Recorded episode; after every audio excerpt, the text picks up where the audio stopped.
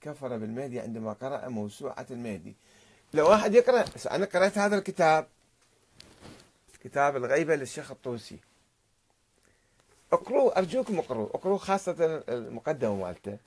في نسف النظريات المهدوية السابقة الأخرى حتى يثبت مهدوية الثاني عشر.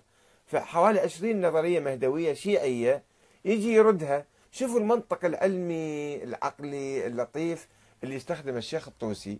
في رد النظريات الأخرى. وعندما يجي يثبت وجود ومهدوية وغيبة الإمام الثاني عشر كيف يثبتها؟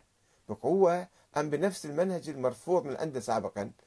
فلما واحد ينظر في هذا الكتاب ويدرس دراسة حقيقة أنا أنا أطلب من الحوزات العلمية أن تدرس هذا الكتاب في الحوزة. تدرسه. هذا كتاب الشيخ الطوسي. مو تقولون الشيخ الطوسي شيخ الطائفة الاثنى عشرية؟ طيب هذا كتاب الشيخ الطوسي. روحوا درسوه ليش أنا بالحوزة 20 سنة 25 سنة ما قاري هذا الكتاب؟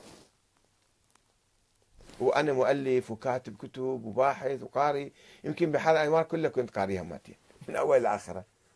زين هذا هذا الكتاب ليش ما درسوه؟ درسوه حتى تشوفون شوي يفتح عقلكم. حتى تشوفون القضية شلون فرضيات وكلام يعني نفس المنطق المرفوض من عنده. تجاه الآخرين هو يقوم يستخدمه مرة ثانية. فاللي يقرأ الكتاب بعقل مفتوح يقدر يصل إلى بعض النتائج بس اللي يقرأ مغمض وكل ما يشوف قدامه صحيح بعد ما يقدر يفكر. وكل شيء عنده متواتر لا واللطيف هذا الأخ رائد صديقنا العزيز الأخ رائد الموسوي. يروح يجي يقول أنا أثبتت لك كذا وهذا أحاديث متواترة ليش ما تؤمن بها أنت؟ أثبت لك اثنا عشرية متواترة والمهدي متواتر والإمامة متواترة. وأنت ليش قاعد تنتقدنا وتقول دولة ابن سبأ والخطاب؟ مو فرق موجودة بالتاريخ الشيعي وكتب الشيعة وكتب الأئمة وأحاديث الأئمة تلعنهم وتسبهم وتشتمهم وتتبرأ من عندهم. وأنت تقول لي عيب علينا الآن. تقول أنا ما عندي أهاجم الشيعة. أنا ابن الشيعة.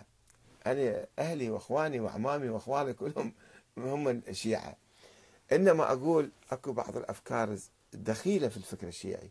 في تراث أهل البيت لازم نصفيها هذا التراث من هذه الأشياء الدخيلة من الخرافات والأساطير والكفريات والبدع والأشياء الفرضيات والنظريات المو صحيحة لأن هذه الأفكار الميتة تميتنا وتقتلنا وتضرنا وتعكر علاقتنا مع الآخرين وعلاقاتنا الداخلية بأنفسنا أيضا. وتمنعنا من إقامة نظام ديمقراطي شورى حرام. ديمقراطية حرام. مو كان تقولون الشكل قبل خمسين سنة. مو بعيد يعني. قبيل الثورة إحنا الحمد لله أدركنا هذا الزمن. بالستينات أنا واعي تماما. الثقافة الموجودة عند الشيعة بالستينات شنو؟ شوف الكتب اللي صدرت ذيك الأيام شنو. وبالسبعينات يعني كان في حركة شوية حاولت تقرأ التراث من جديد. حركة السيد الشيرازي. و... وأخفقت في بعض الجوانب ونجحت في بعض الجوانب.